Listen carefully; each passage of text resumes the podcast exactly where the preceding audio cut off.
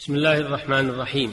الحمد لله رب العالمين والصلاة والسلام على أفضل خلقه وخاتم رسله نبينا محمد وآله وصحبه ومن اتبع هداه وتمسك بسنته إلى يوم الدين. أما بعد أيها المستمعون الكرام السلام عليكم ورحمة الله وبركاته. نواصل الحديث معكم في بيان أحكام الجنايات امتدادا للحلقات السابقة. حيث انتهى بنا الحديث إلى بيان شروط استيفاء القصاص. فالقصاص هو فعل مجني عليه أو فعل وليه بجان مثل فعله أو شبهه. وحكمته التشفي وبرد حرارة الغيظ فقد شرع الله القصاص زجرا عن العدوان واستدراكا لما في النفوس وإذاقة الجاني ما أذاقه المجني عليه. وفيه بقاء حياة النوع الإنساني.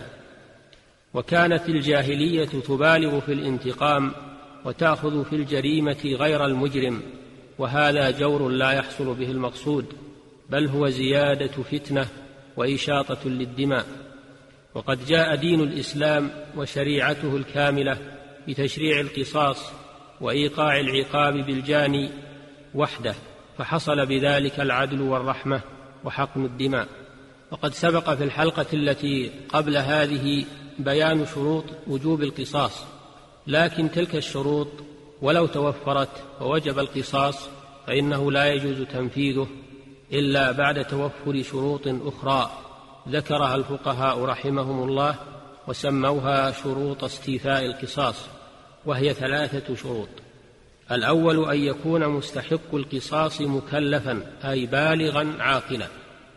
فإن كان مستحق القصاص أو بعض مستحقيه صبيا أو مجنونا لم يستوفه لهما وليهما لأن القصاص ثبت لما فيه من التشفي والانتقام ولا يحصل ذلك لمستحقه باستيفاء غيره عنه.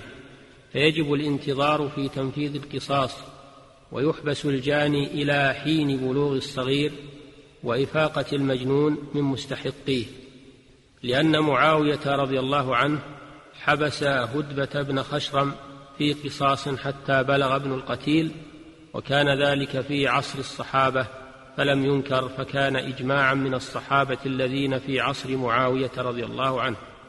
فإن احتاج الصغير أو المجنون من أولياء القصاص إلى نفقة فلولي المجنون فقط أن يعفو إلى الدية لأن الجنون لا يدرى متى يزول بخلاف الصبي فإنه لبلوغه حد.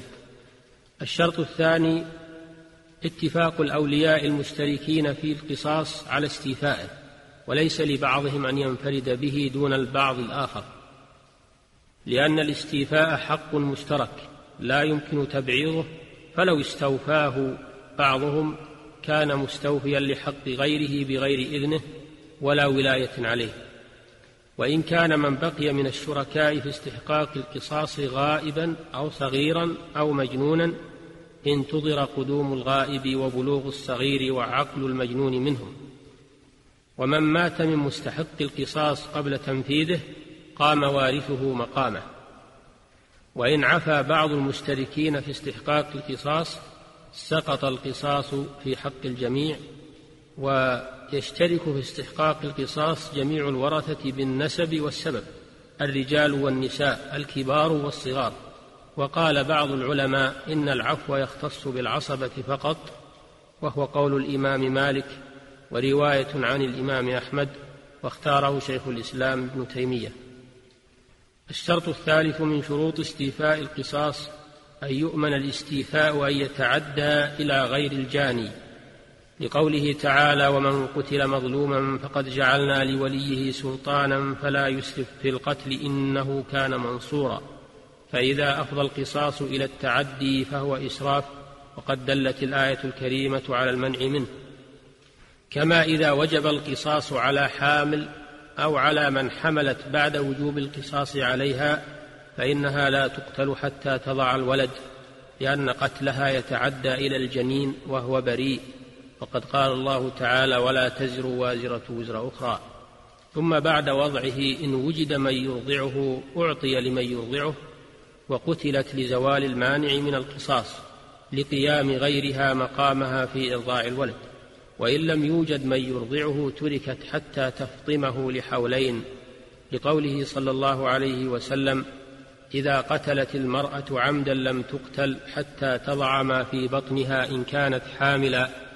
وحتى تكفل ولدها وإذا زنت لم ترجم حتى تضع ما في بطنها إن كانت حاملا وحتى تكفل ولدها. رواه ابن ماجه. ولقوله صلى الله عليه وسلم للمرأة المقرة بالزنا ارجعي حتى تضعي ما في بطنك. ثم قال لها ارجعي حتى ترضعيه. فدل الحديثان والآية على تأخير القصاص من أجل الحمل وهو إجماع. وهذا يدل على كمال هذه الشريعة وعدالتها حيث راعت حق الأجنة في البطون فلم تجز إلحاق الضرر بهم وراعت حق الأطفال والضعفة فدفعت عنهم الضرر وكفلت لهم ما يبقي عليهم حياتهم. فلله الحمد على هذه الشريعة السمحاء الكاملة الشاملة لمصالح العباد. وإذا أريد تنفيذ القصاص فلا بد أن يتم تنفيذه بإشراف الإمام أو نائبه ليمنع الجور في تنفيذه ويلزم المنفذ بالوجه الشرعي. ويشترط في الآلة التي ينفذ بها القصاص أن تكون آلة ماضية كسيف وسكين لقوله صلى الله عليه وسلم إذا قتلتم فأحسنوا القتلة ويمنع من استيفاء القصاص بآلة كالة لأن ذلك إسراف في القتل. ثم إن كان الولي يحسن الاستيفاء بنفسه على الوجه الشرعي وإلا أمره الحاكم أن يوكل من يقتص له.